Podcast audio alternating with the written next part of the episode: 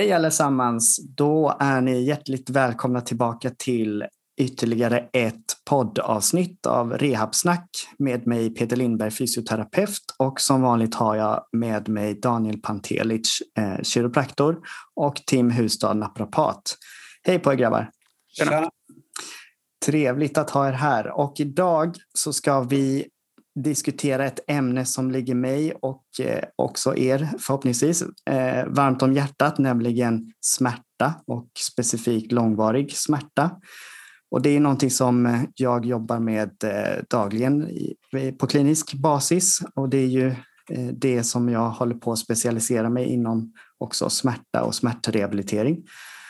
Och förhoppningsvis, jag tänkte skicka in min ansökan i september Eh, för specialist och sen tar det typ två månader innan jag får, får svar.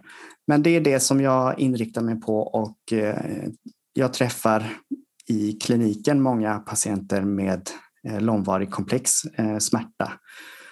Och det tycker jag är, det är spännande. Det kan vara väldigt frustrerande.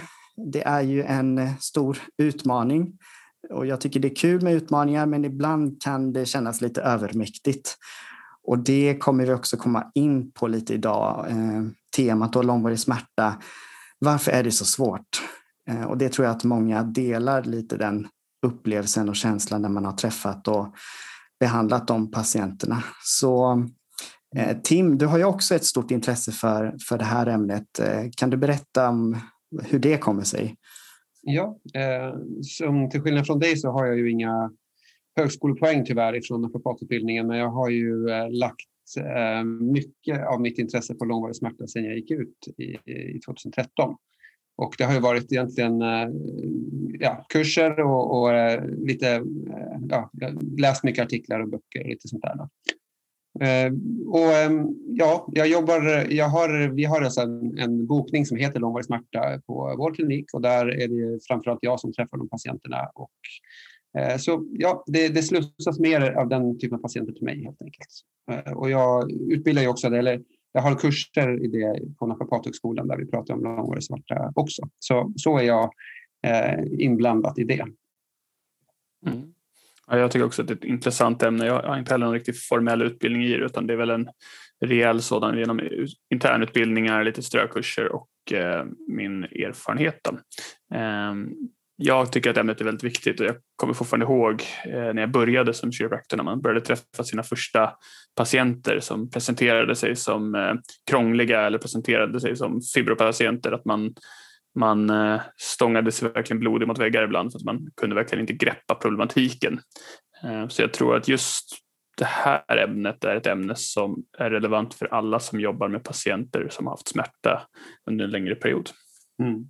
Just det, och jag kan, jag kan lägga till att jag själv lever ju med långvarig smärta i diverse leder så det är också en anledning till att jag började intressera mig och eh, dyka ner i litteraturen och försöka lära mig mer om smärta och hur det behandlas. Mm. Det delar vi faktiskt. Eh, det visste jag inte Peter, men det delar vi faktiskt. Jag har också haft en långvarig en fot, fotsmärta på båda sidorna i, helt sedan jag gick ut skolan. Typ. Så jag uh, har också varit en, och brottats med det då, över många år. Mm. Okej. Okay. Det visste jag inte heller om. Jag dock har inte ont någonstans. Nej, skönt. ja, någon, någon, har det bra. Ja. Ja, nej, men jag har ju så här äh, hypermobilitetssyndrom eh, som påverkar flera leder och även det här bindvävspåverkan. Mm. Eh, som, eh, ja, och det har ju kommit fram liksom senare. Jag har inte för, förstått eller satt ihop pusselbitarna förrän på senare år egentligen. För att det började lite mer ja, men så här, när jag var barn att luxerade knät och sen har jag luxerat båda axlarna och lite sådär. Eh, men sen har det liksom adderats på lite andra symptom som har gjort att okej, okay, eh, jag kanske har någon typ av hypermobilitetssyndrom. Så att på den mm. vägen var det. Intressant. Vad ska, um, se, eller vad ska vi göra nu då kommande episoden? Mm. Just det. Eh, som sagt, fokus är ju långvarig smärta och då är ju tanken att vi ska försöka dela upp det här lite som en serie då för att det, smärta är ju ett så stort och komplext ämne så det kommer vi definitivt inte att hinna med i ett enda avsnitt på 45-60 minuter utan vi kommer behöva dela upp det här lite grann. Och som vanligt eh, i den här podden så är det ju liksom till för kliniker, eh, Eh, vårdgivare där ute så att det ska ju vara kliniskt relevant. Eh, vi kommer att komma in på lite mer konkreta exempel på och kanske patientfall eller hur vi jobbar med de här patienterna. Så vi kommer komma in på undersökning och bedömning och behandling och sådär. Men innan dess så tänker jag att vi skulle diskutera lite, lite bredare kring själva smärta som fenomenet då och vad, vad det innebär för problem och utmaningar för, för oss, både på samhällsnivå men också på klinikerna. Så det är lite tanken då. Så idag blir det en, en eh, första delen då där vi kommer diskutera lite, lite kring smärta. Mm. Ja, det blir väl lite tanke, eller eh, varför är det egentligen så svårt? Varför har vi så svårt, både som patient och som vårdgivare, att eh, komma, eller, eh, hitta lösningar? Och, eh, varför sitter man fast i de här cirklarna? Liksom? Mm.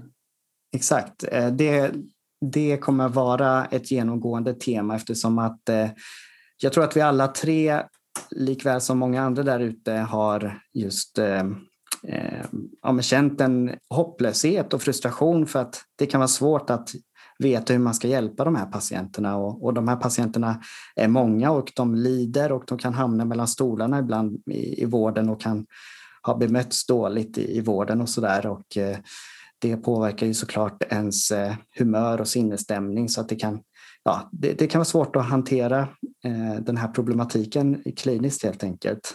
Mm. Mm. Det är ett ganska stort problem, inte bara på individnivå utan det är också det här med samhället som stort. Ehm, du hade tagit fram lite siffror där Peter som jag tyckte var intressant som du borde presentera. Just det, precis. Så att eh, om vi då zoomar ut lite och tittar på ett, eh, det här med långvarig smärta utifrån ett eh, globalt och samhälls eh, och folkhälsoperspektiv så finns det flera olika referenser där, men jag har hittat eh, flera som, som eh, kommer fram till ungefär att eh, 20, 20, runt 20 procent av befolkningen lever med långvarig smärta. Men sen så finns det andra referenser som visar på uppemot eh, 45 eh, eller till och med nästan uppemot 50 procent beroende på eh, ja, vilket, vilken population man tittar på. Men en väldigt hög andel människor lever med någon typ av långvarig smärta. Sen kan ju den här bredden eh, om man ska säga, eh, de som lever med den här smärtan kan ju leva med smärta men inte vara så hindrade av det och ändå leva ett gott liv om man säger så.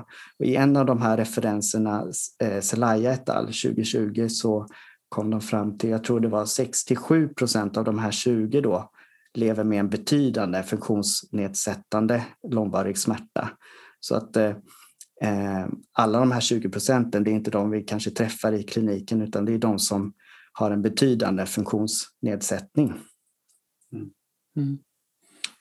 Mm. Mm, men, eh, och sen liksom de, av de patienter jag träffar, där kanske det är, ja, det är lite svårt att, att uppskatta, men det är i alla fall just nu så är det ju säkert över 70 procent av mina patienter som som har långvarig, långvarig smärta. Och det ska vi säga, det är ju att man ska ha haft smärta i minst tre månader. Vissa, vissa litteraturer säger tre till sex månader, men över tre månader säger man. Mm.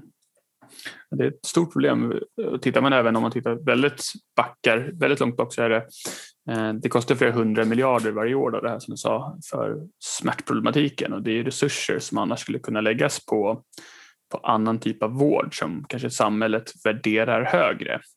Eh, vilket är lite konstigt att man då valt att inte fokusera så mycket på det. Eller det, det verkar ju brista mycket i kunskapen kring det.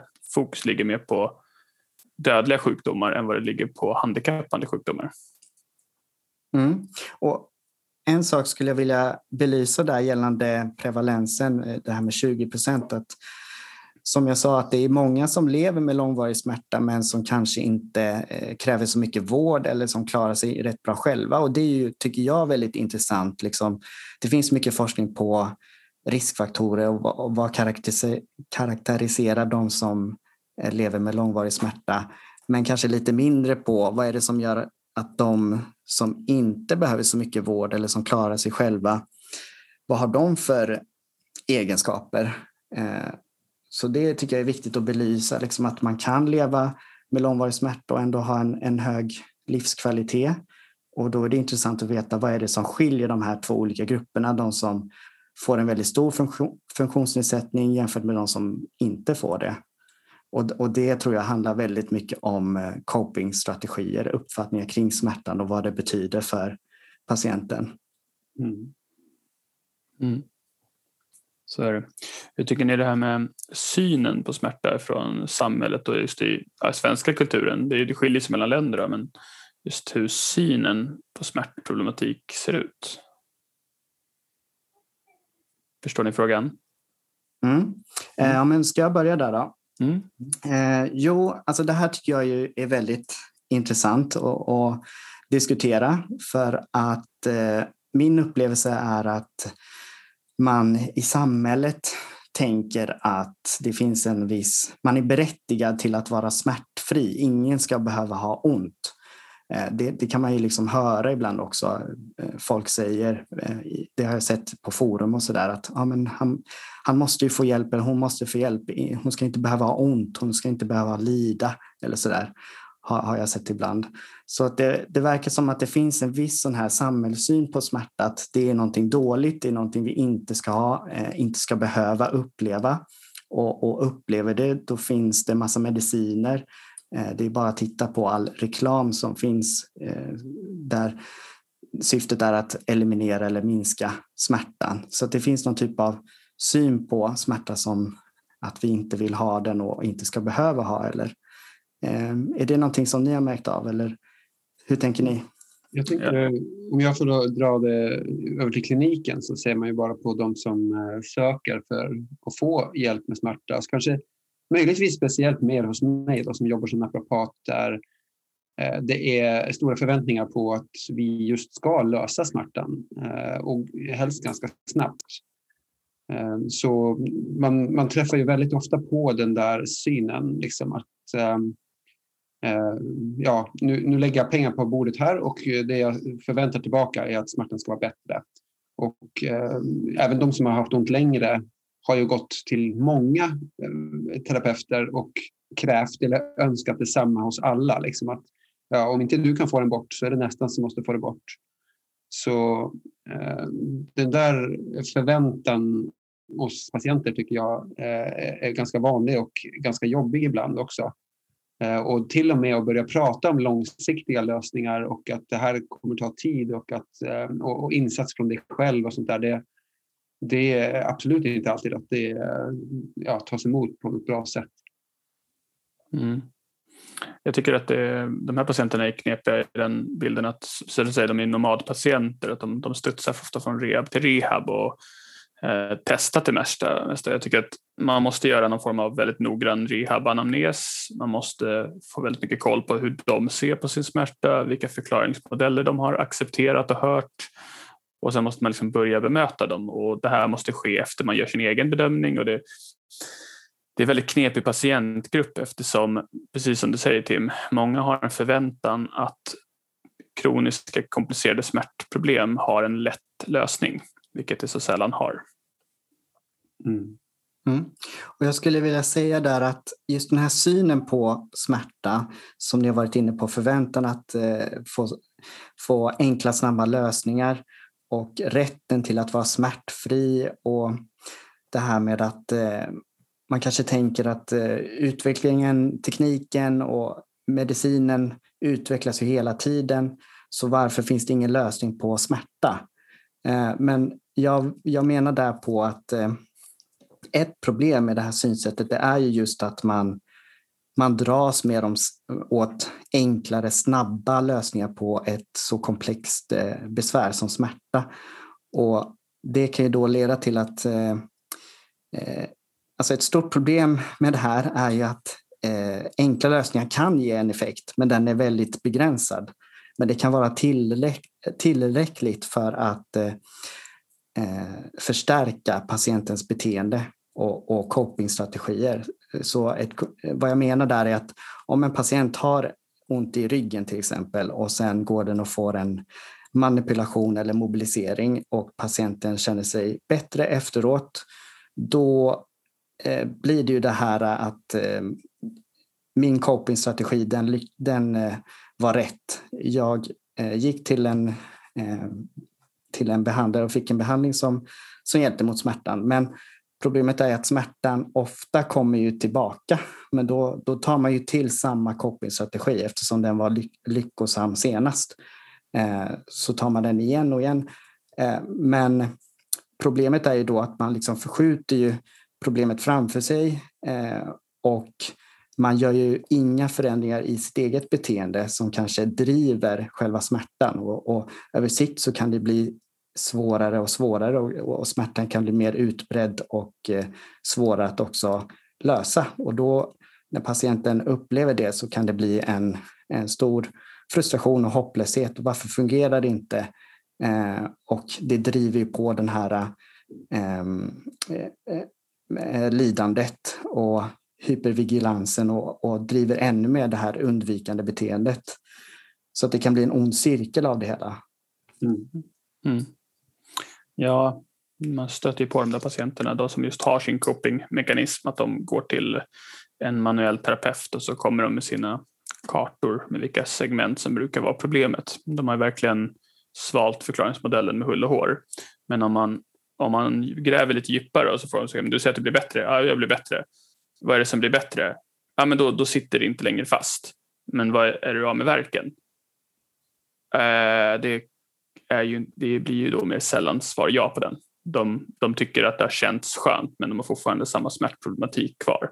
Det är aldrig någonting, de säger att det är en quick fix, men det är väldigt få som faktiskt blir bra utan det är mer att de har accepterat att någonting kan sitta fast och om det släpps upp så tycker de att det känns bättre men smärtan är egentligen där. Mm. Så jag vet inte riktigt, jag, jag, jag hör folk säga sådär, men det finns quick fix, men om man tittar på det och verkligen mäter det, är det verkligen quick fix? Blir folk verkligen av med verken? Eller är det bara att de tycker att den är temporärt lite lindrad? Förstår du vad jag menar? Mm, Grundproblemet är ju inte borta, utan det är ju om någonting känns lite bättre eller lite sämre har ju många faktorer bakom sig. Men att en säger att man, man, man är övertygad om att ens kroniska besvär man har haft länge med ryggen beror på en spänd iliopsoas till exempel och så går det att stretcha den. Hur många har då blivit smärtfria i ett år eller två och sen, ja nu fick jag tillbaka det. Eller är det mer att det kändes skönt att få en behandling men smärtproblematiken är förändrad temporärt men det är inte egentligen borta. Ja, det är det sista där som är vanligast skulle jag säga. Ja, precis, och då är det ju inte när man får en person att kanske, för, alltså, jag, jag, tycker patienter får lite uppvaknande när man ändå förtydligar det för dem. Är det verkligen bra? För de har ju en, man kan ju se på dem att de tänker så att det, att det är bra. Men när man liksom sticker lite hål i den ballongen så kan man också se på dem att okej, okay, det här kanske inte är en bra copingmekanism. Mm. Ja, en väldigt bra, väldigt bra exempel. Häromdagen så pratade jag på ett eh, sån här eh, fitnessforum i Norge på Facebook bara om eh, Eh, någon som hade ont, fått ont i axeln, en ung kille. Och, eh, han hade hållit på i fem år med den axeln och han försökte träna, han får alltid ont och det kommer tillbaka. Och han hade gått och lagt ner eh, hur många tusen vet jag inte på olika behandlingsgrejer. Då. Och, eh, så jag, jag kommenterar på den posten och han, eh, han pratar till mig då på, på Messenger och liksom frågar min åsikt och sånt där. Och då säger jag, då förklarar jag det här tyckte, på ett ganska bra sätt. Att eh, det här, här, du, jag misstänker att du behöver ett mer långsiktigt tänk och eh, titta på liksom, eh, hur du belastar och anstränger och hur det reagerar och, och, och ta bort vissa saker över en period och lägga till andra saker. Och, Eh, vi försöker liksom verkligen pedagogiskt att lägga fram det här för honom. Då. Eh, och så får jag inte svar på ett helt dygn. Och så eh, frågar jag honom dagen efter, vad, vad tänker du? Då? Vad, vad, skulle du vilja göra? Och då svarar han att ja, nej, men jag var nog egentligen mest ute efter att någon skulle kunna hitta orsaken och behandla bort den. Mm. Och det är ju det han har gjort i fem år. Så att det sitter fast. Det där sitter fast, det där beteendet och de tankarna hos patienterna. Mm. Folk har ju svårt att göra, det ser man ju i alla möjliga olika vård, även viktvården eller beroendevården och allt sånt där, så har ju folk svårt att ändra beteenden eh, på långsiktigt. Mm. Och smärta är ju verkligen ett sånt att mycket, nu nämnde ju väldigt många fysiska saker där som, alltså när det inte pratar liksom spänningar så utan det kanske är så att en person som har problem med hälsenan helt enkelt inte kommer kunna springa på säg ett år eller två år eller hur lång tid det tar. De får göra någonting annat under den tiden och bygga upp hälsenan vid sidan av. Men det är inte alla som är villiga att göra det. Nej. Och, det är, och då är det en väldigt specifik sena när det kommer till ryggen. Då kan det ju vara ganska mycket saker som till exempel någon som håller på med crossfit eh, inte kommer kunna göra som egentligen mycket av deras hela sociala liv kretsar kring den träningsformen. Och säger man till dem att du får inte göra den här typen av träning under säg, sex månader så är det väldigt få av dem som lyssnar. Mm. Och de går gärna vidare till någon annan som säger att om du bara, du bara stretchar mer så blir det bra. Och de fortsätter göra det även om man då hör att de fortsätter ont i ryggen. Ja, och på tal om kultur kan man säga, om vi såg i den, i, i den tråden då, där han hade lagt ut sin axelproblem så, så ser, sitter man och tittar på svaren som kommer ut och det är ju såklart lite blandat vem som svarar där. Men då, man ser liksom bara en, en uppsjö av eh, sådana här, gå hit, här finns eh, magiker som fixar. Eller eh, du ska inte träffa en fysio, du ska träffa en kiropraktor. Eller du ska inte träffa en kiropraktor, du ska träffa en... Alltså, det, det, det är det som dominerar helt och hållet. Och då känns det som att eh, ja, kanske lite hybris här, men att man själv tror att, man, att jag kanske har koll och vad, som, vad han faktiskt bör göra. Det bara drunknar i det där. Det kommer aldrig fram ens. Det, och han, han var inte ens... Han, han slutade prata med mig efter mitt svar där, så han var liksom inte intresserad längre. Han var väl kanske inte heller liksom redo för det. Uh, det, det handlar också, det, det, så, det är så jag brukar bemöta de patienterna faktiskt som kommer med de här uh, lapparna. Så brukar jag fråga, liksom, du söker mig i form av att du tror att jag ska jobba med det här, men det gör jag inte. Uh, vill du istället beskriva dina symptom och om, om du gör det, är du villig att ta emot en annan approach eller är det det här du vill ha? För att om det är det här du vill ha, då ska du gå till någon annan tills du inte längre vill gå på sånt och då vill komma till något nytt och då vet du var jag finns. Mm. En del väljer då att säga att ah, jag vill ha någon, någon som knäcker mycket. Liksom. Och då, då, går de vidare till nästa. Eller så säger de, ah, men vad kan, hur, hur, tänker du då? Så då blir de nyfikna och då kan man ha en inkö, alltså ingångsport där. Mm. Men det går ju inte att bemöta en person som efterfrågar en specifik behandling, vare sig det må vara akupunktur eller manipulation eller massage, vad det än må vara. Det går inte att ändra på det om inte de är villiga att testa någonting nytt. Mm. Så det, det är så jag gör med dem. Precis, Nej, men det mm, låter vettigt. Det där är ju liksom motiverande samtal, pratar man mycket om det, att eh, eh, respektera patientens autonomi, respektera att de själva äger beslutandet, att eh, eh jag kan erbjuda det här men du själv måste, måste vilja. Mm. Eh, och det tycker jag, väl är, det tycker jag är, är, en bra approach. Eh, approach för att eh, som du säger Daniel, ibland är ju patienten inte redo och det är någonting man kan utforska också med patienten. Att eh, dels utforska vad de tänker om sin smärta men också hur, de, hur redo de är att göra en förändring, en beteendeförändring till exempel. Om jag säger att eh, jag eh, tror att du skulle behöva det här men det kommer krävas att du behöver göra en förändring. Eh, hur ser du på det? Hur, hur pass redo skulle du säga att du är att, att göra det och hur säker tror du du är eh, på att du skulle kunna klara av det? Och då får man också en uppfattning om var patienten står någonstans. Hur redo är den? Eh, skattar den liksom en trea på en skala 0 till 10, då kan man ju diskutera, okej, okay, hur, hur kommer det sig? Vad, vad skulle kunna göra att du skulle kunna komma upp till en, en femma eller sådär.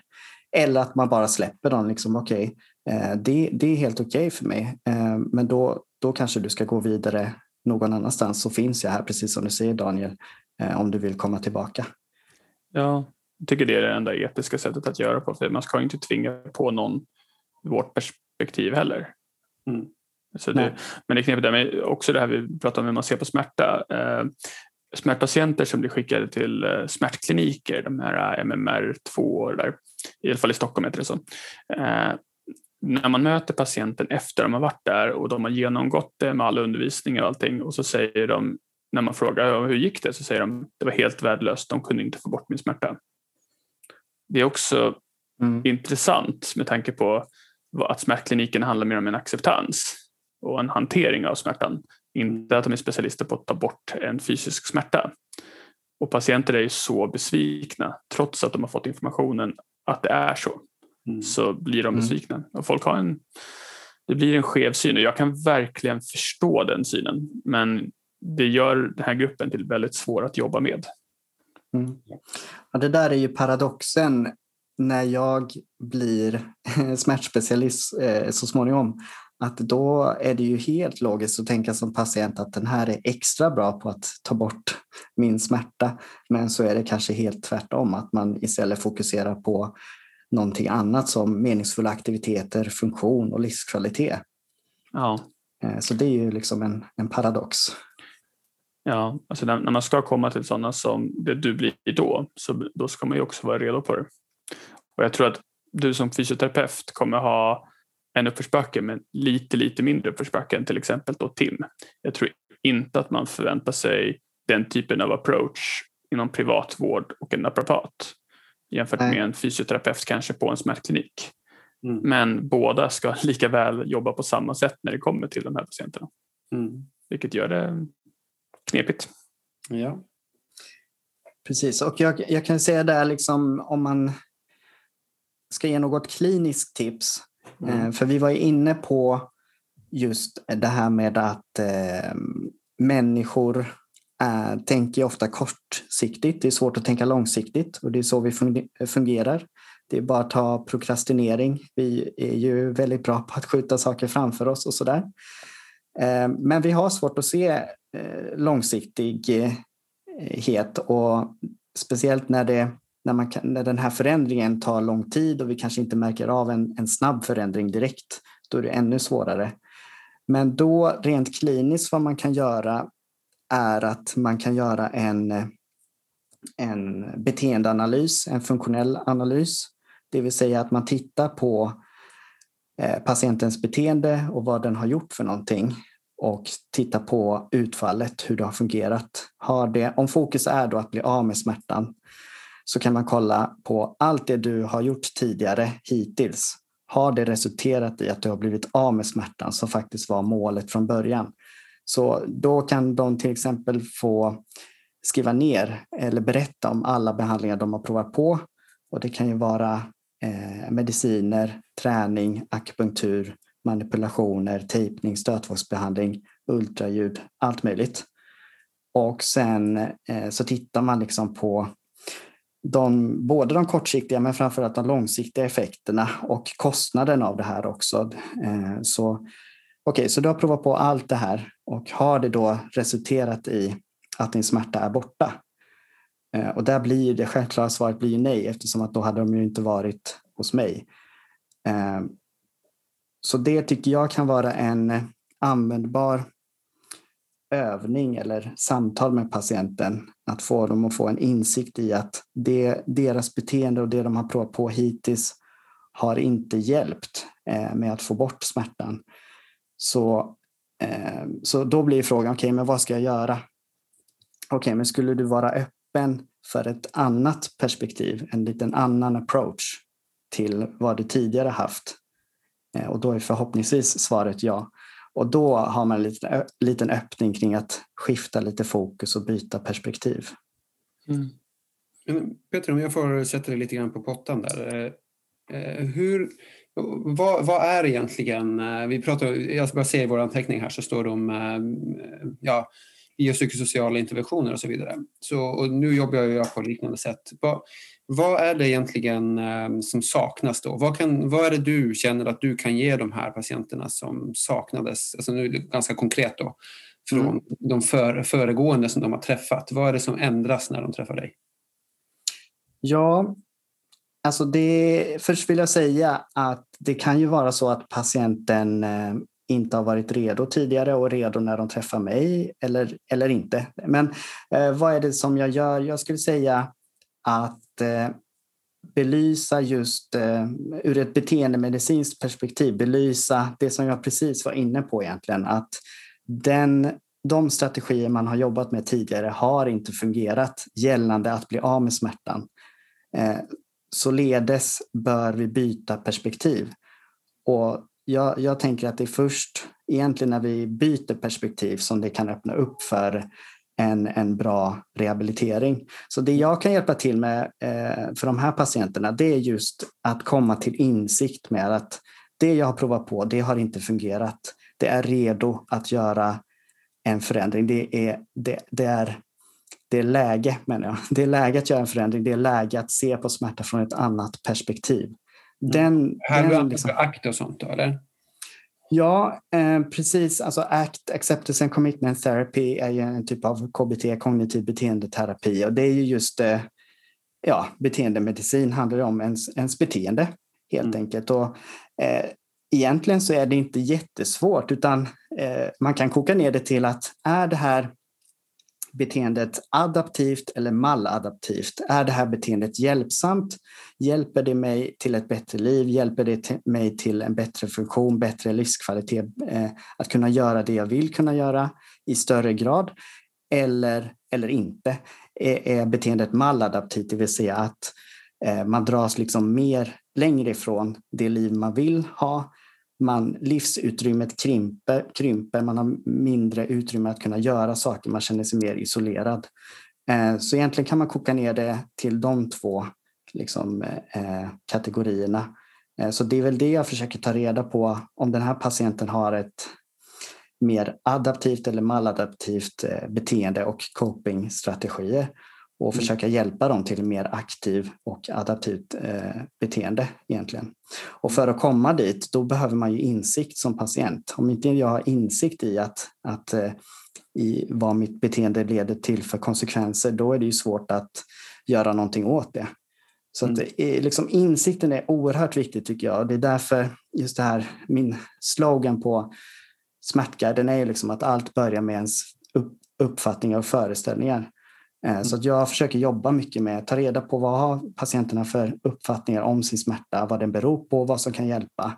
Och sen om jag bedömer att det här är, lite mer maladaptivt, det, kommer, det är inte hjälpsamt, så, så kan man ha en diskussion med patienten eh, för att de ska kunna eh, öppna upp sig och vara lite mer mottagliga för ett, ett annat perspektiv. Och det är ju med, lite med det här biopsykosociala, att smärta beror inte endast på vävnadsskada utan det kan bero på andra saker.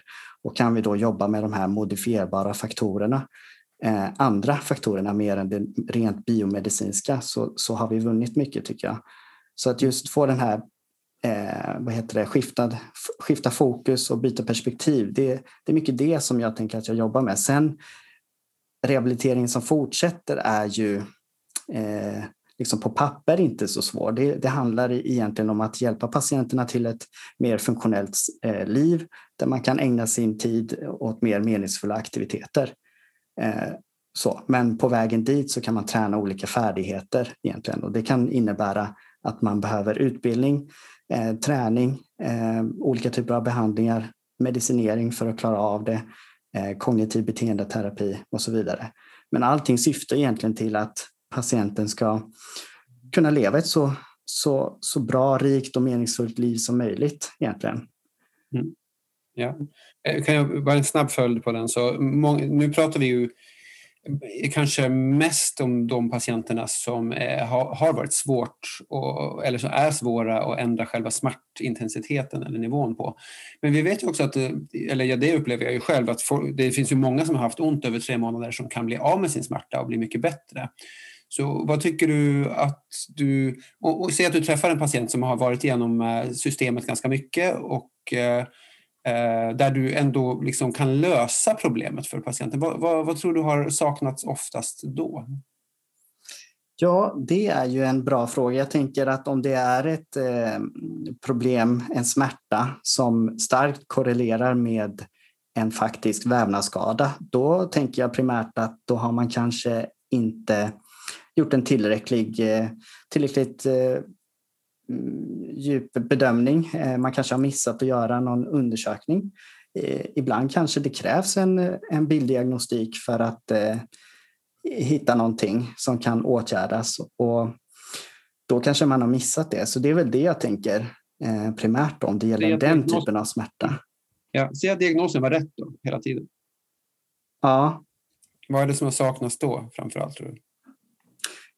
Om diagnosen var rätt, det vill säga att eh, smärtan starkt korrelerade med en faktisk eh, vävnadsskada, tänker du? Jag tänker bara så här, eh, eh, de har varit i några år genom systemet och de har fått massa behandlingar och diagnosen har varit rätt hela tiden. Så de har vetat mm. vad det var. Men de har trots allt det inte blivit bra. Men, men ändå så blir de bättre hos dig. Vad är det som, eh, vad, vad, är det vi kan göra bättre? Är det lite grann det, det, det mm. för dem? Ja, ja, jag förstår. Mm. Um, ja, alltså det är ju superviktigt med bemötande och kommunikation med patienten tycker jag.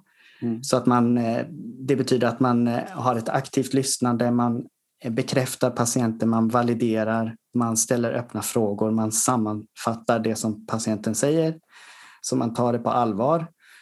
Och det, det är ju liksom alltid viktigt att bygga upp den här terapeutiska alliansen. Då, Men, då leder det till bättre compliance, tänker du kanske på då? Att de följer dina råd bättre och sånt där, eller? Ja, det vill man ju verkligen tro att det, att det leder till. Mm. Eh, och det är ju som ni vet såklart det är ju superviktigt med compliance. Eh, så absolut Tim, eh, det som jag kanske tror att du liksom puttar mig till är att compliance är ju så himla viktigt och det kan ju ha varit det kan ju ha varit det som har brustit tidigare, att patienten inte har fullföljt rehabiliteringsplanen till exempel. De kan ha varit inne på rätt spår, men patienten har inte fullföljt rehabplanen för att de kanske inte har trott på på att det skulle hjälpa. De har inte köpt liksom förklaringsmodellen. Mm. Um, så det kan ju vara något sånt att uh, jag på något sätt kanske kan möta patienten på något bra sätt och förklara det, att den kan köpa min förklaringsmodell och, och då liksom är mer engagerad och följsam i rehabiliteringen. Och att det då, sen såklart förväntningarna, att man påverkar dem då på ett positivt sätt. Mm. Hur tänker du själv kring den frågan? Jo, nej, jag, jag, håller mycket med. Jag, min, min uppfattning, om vi, om vi separerar ut de här patienterna då lite grann så att vi, folk vet vad vi pratar om. Så de patienterna vi kanske pratar om nu det är de som kanske inte alltid har haft ont i, i, i 20 år men, men mera de som har haft ont mer än tre månader men kanske mindre än ett år eller mindre än två år. Eh, och eh, har försökt en massa grejer, gått på en del rehabprogrammer eller ett eller två Eh, och inte riktigt lyckats. Det har blivit bättre då, men det har liksom inte blivit bra på sikt. Ehm, det återkommer hela tiden och så vidare. Och min uppfattning där är mycket, det, det mycket mer det här compliance, eh, men ändå har ju många varit med, och, eller de har gjort sina grejer under den perioden som eh, rehaben pågick, om vi säger så. Men jag undrar på om det är det som är lite problemet, att man ser på en, oftast på en rehab som en rehabperiod. Och när rehabperioden är klar, då är jag frisk. Så nu går jag tillbaka till mitt normala liv och så eh, är det här klart. Liksom så. Eh, Medan det jag kanske upplever ofta är att folk har inte fått någon riktig utbildning om eller förståelse av att för det första är det här ett problem som både Eh, är vanligt att det kan pågå länge och komma och gå och att man liksom man måste sköta, man måste lära sig att hantera problemet och förstå det på, på den grundnivån att man vet vad som vet vad, vet vad jag ska göra nästa gång det kommer tillbaka också. Så att eh, jag tror att det handlar väldigt ofta om att man, man fokuserar så mycket på det som är här och nu bara. Och så eh, tappar man lite grann blicken på Eh, man glömmer att, att, prata och tänka på att men det här är ju en prognos som brukar, som ett impingement eller en ryggskott och så vidare. Det är saker som brukar komma tillbaka. Uh, och, och vad, vad, är det för hanteringsstrategier som ska finnas när det kommer tillbaka? Förstår jag som patient vad, vilka mekanismer som startar den här uh, smärtan? Och kan jag göra en ändring? Kan jag förstå smärta tillräckligt bra då när det här kommer tillbaka till att jag fattar att okej, okay, nu var sannolikt den här grejen, nu, nu är det liksom, det har varit ont i, i några dagar och det betyder att jag har gjort för mycket. Alltså, alltså, att bara förstå eh, ja, lite mer basics runt saker så att man kan eh, själv hantera bättre. Det tror jag är ett stort, en stor brist i, i vården överlag, tror jag. Mm. Det håller jag verkligen med om, definitivt. Um, det är ju liksom basen i, i själva eh, med, med hantering och hur man ser på smärta och um, hur man bemöter smärta. Det, är, det ligger ju i ens förståelse kring smärta. Så definitivt, har man inte förstått vad det handlar om eh, då, då kanske man inte mm, gör några större förändringar, även långsiktiga förändringar eller större beteendeförändringar som har eh, ihållande effekt om man säger så.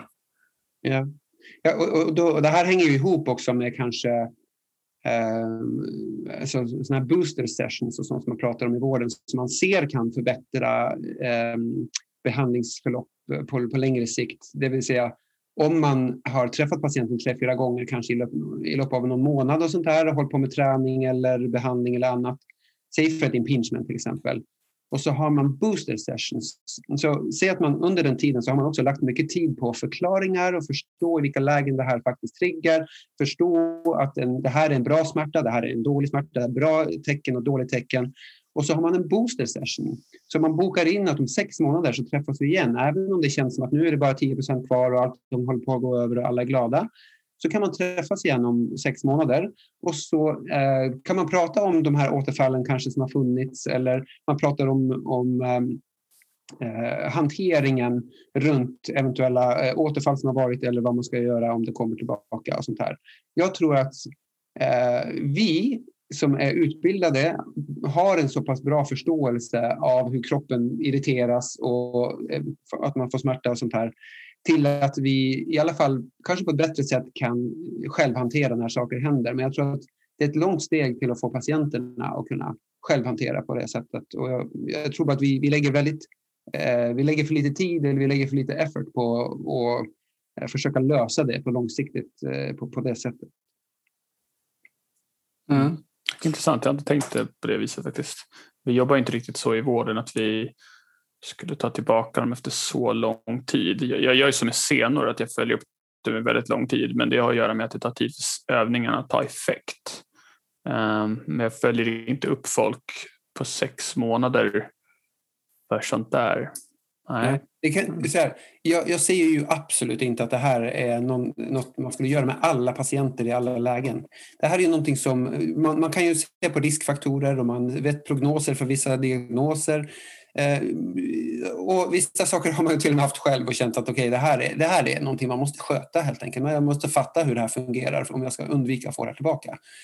Ehm, och jag tror bara att eh, den optimala vården, om vi säger det så, för de här patienterna, det skulle eh, vara, om, man skulle förändra en sak, liksom, hur, hur skulle det kunna optimalisera, så är det just att att um, jobba med den här självhanteringsprocessen bättre när vi väl träffar patienten i starten och så ha uh, uppföljningar som, uh, på längre tid där man liksom kan göra så att uh, patienten minns och förstår och har lärt sig skuldran till exempel. På, du behöver inte kunna namnen på någonting men bara lärt sig hur fungerar min skuldra och hur, vad är det för aktiviteter som, som kombinationer av aktiviteter som gör att det blir värre och sånt där i perioden. Till exempel. Mm. mm. Ja, nej, men jag, jag håller med dig där Tim, att det definitivt kan vara av värde att eh, eh, göra uppföljningar ibland. Eh, för att det, som vi varit inne på, det är otroligt svårt att ändra någons beteende och det är väldigt lätt att falla tillbaka till gamla mönster. Och det är ju liksom så att eh, vi kan inte radera ett beteende, vi kan inte ta bort ett beteende vi har haft tidigare. Däremot kan vi lära oss nya beteenden och vi kan lära oss hur vi hanterar tidigare beteenden eh, och som sagt lära oss ett annat beteende som vi, som vi jobbar med aktivt. Men det är väldigt lätt att hamna tillbaka till gamla mönster och speciellt när vi får ett återfall, ett bakslag, när, när smärtan blir så påtaglig igen, då blir det ganska snabbt att de här nervbanorna, neurotagsen, aktiveras och vi eh, triggar samma känslor, samma liksom, obehagliga upplevelser som gör att vi instinktivt vill reagera att undvika och mm. kan också leda en tillbaka till gamla beteenden eh, och tankemönster. Mm. Eh, så definitivt är det en process. Eh, det är ingenting som kommer att lösas på tre månader utan eh, det här ju, tar ju väldigt lång tid och en del kan behöva jobba med, om vi tänker smärtacceptans, så är det någonting man behöver jobba med kanske under flera år eller resten av sitt liv. Och självhanteringsstrategier behöver man ju också lära sig att jobba med som man behöver ta till kanske resten av sitt liv för att det är ju väldigt stor risk att eh, man kommer ha ett återfall, att man kommer ha smärtperioder. Men förhoppningsvis så kan man liksom göra förändringar så att de här kommer allt mer sällan och i mindre eh, liksom eh, styrka om man säger så. Men att det kommer tillbaka, det är, det är en väldigt stor risk. Ja, för, bara en sak där, för jag tror att de komplexa sambanden som vi missar lite grann i vården överlag, det vi pratar ju om det här med central sensitisering och liksom att, att med långvariga smärtor och nociplastisk smärta och sånt här som smärta som är bara smärta och inte kan, man kan inte skylla på strukturen längre och alla de här grejerna. Men jag, jag, mitt bias, om vi ska säga så, jag, jag kan inte säga att jag har, kan stödja mig på exakt en artikel på detta, men men mitt bias är att eh, när du håller på att eh, irritera den här katten eh, många gånger, det är katten det är den här smärtan då, eller irriterade senan i axeln eller vad det skulle vara. Så när du har varit där för många gånger och bara hållit på och hållit på och hållit på så, så får du en sur katt helt enkelt. Och den där sura katten är det, det, det hjälper inte att bara stryka lite på den helt enkelt. Den, den måste skötas när den har kommit i det läget där den har blivit sur helt enkelt. Eh, och eh, det, det, det, här är lite bara en metafor lite grann på hur jag ser eh, många patienter som kommer in och har varit i, i den här loopen som vi pratade om och fått många behandlingar och allt det här. Eh, och så kommer de till mig för sjätte gången de har en riktigt rejäl flare-up och det har hållit på i flera månader då är det ju oftast ganska sensitiserat. Det är ömt och känsligt, det strålar långt ut i armen, det är liksom jättekänsligt, de har ont upp i nacken och de har även fått huvudvärk. Eh, och jag, jag tror så här, eh, om man vore, vore, bättre i ett tidigt skede, när det börjar att bli en impingement eller, eller ja, en, en tendalgi i axeln, så kanske man inte alltid skulle behöva komma dit, menar jag. Om man hade haft dem, den kunskapen och eh, att man vet för det första då att okej, okay, de här aktiviteterna är jag lite försiktig med om det blir mycket av det på en och samma gång till exempel. Då undviker jag den här riktiga flare-upen. Eller så vet man att om man får en riktig flare-up så vet man vad man ska göra åt det. Man kanske söker vård då istället för att gå i fyra månader till och hoppas att det går över. Så det är det jag menar att jag tror det här mycket fallerar i Eh, det, det, är kunskapen hos patienten och lite kunskap i vården som, gör att, eh, som brister ibland som gör att, eh, att man blir lite lämnad för sig själv och saker går lite som det går. Livet går vidare och så eh, blir det lite... Eh, ja, det blir inga bra utfall helt enkelt. Eh, ja, det är så som jag ser på det. Så det jag egentligen vill försöka sagt här då, det är väl att eh, det är ganska uppenbart tror jag att vi som vårdgivare behöver utbildning och bättre kunskaper och så. Men jag tror att vi, det som kanske saknas mest är att vi behöver lära oss att utbilda också. Vi måste lära oss både att vilja utbilda patienten och eh, när är det lämpligt, när behöver vi det? Um, och, och, skapa den här self-management-grejen. Eh, uh, Men Ehm, ja, så sammantaget så tror jag alltså vi, utbildning bra, men eh, vi måste lägga fokusen mer på eh, att lära patienterna att sköta sig själva. Mm. Och det där vill jag säga också att ja, det ligger i linje med vad jag tycker också. Det är jättesynd att vi inte har mer utbildningen inom kommunikation och pedagogik i grundutbildningen för att mm. det är ju en av våra absolut viktigaste åtgärder och jag tycker att man missar det ibland eh, när man pratar om vad kan vi göra för den här patienten och det, man räknar upp massa olika eh, behandlingar då. Eh, men så missar man att information, rådgivning och utbildning är ju en behandling i sig. Mm. Och det tycker jag är jättesynd. Det, det är tycker jag definitivt en av de absolut viktigaste åtgärderna och uppgifterna som vi har att utbilda patienterna. Vi brukar säga i våra kurser att eh, information är behandling. Mm, definitivt, det är det verkligen. Mm. Eh, precis, och som Louis Giffer sa, liksom, reassurance is a... Ja, vad säger han? det glömde jag bort. Eh, It's a bloody good painkiller. Ja, precis. Reassurance is a bloody good painkiller. Och reassurance, det är ju liksom, det ingår ju i, i, i utbildning, information, försäkran. Mm.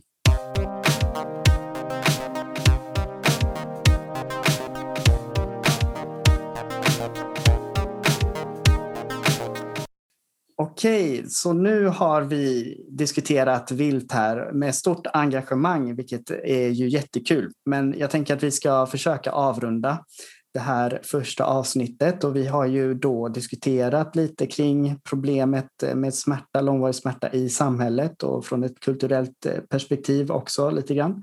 Men sen eh, temat då det här med varför är det så svårt som vi har diskuterat lite mer djupgående och det vi kom in på i slutet här handlade ju mycket eh, kring att eh, vi som vårdgivare måste ju ha en, en bra utbildning inom smärta för att kunna ge en så bra vård till patienterna som möjligt egentligen. Eh, och då tänker vi att vi nästa avsnitt ska fortsätta ehm, och då kommer vi in på, eller tänkte gå in på det här med vi träffar en, en patient med eh, smärta, långvarig smärta och då vill ju vi lägga upp med en, en rehabilitering och behandling. Men innan det så är det viktigt att man gör en god eh, undersökning, anamnes och bedömning, kanske gör någon typ av smärtklassificering för att kunna eh, rikta eh, behandlingen så, så bra som möjligt. Så det är tanken att vi ska diskutera nästa gång. Låter det bra? Jättebra. Super. Då så, men då avslutar vi för idag. Tack eh, mm. för eh, en, en eh, spännande diskussion. Hoppas att ni som lyssnar också, också tycker att det var spännande och att ni är med oss nästa gång. Yes. Så ja, tack så mycket. Ha det bra. Ha det bra. Hej då.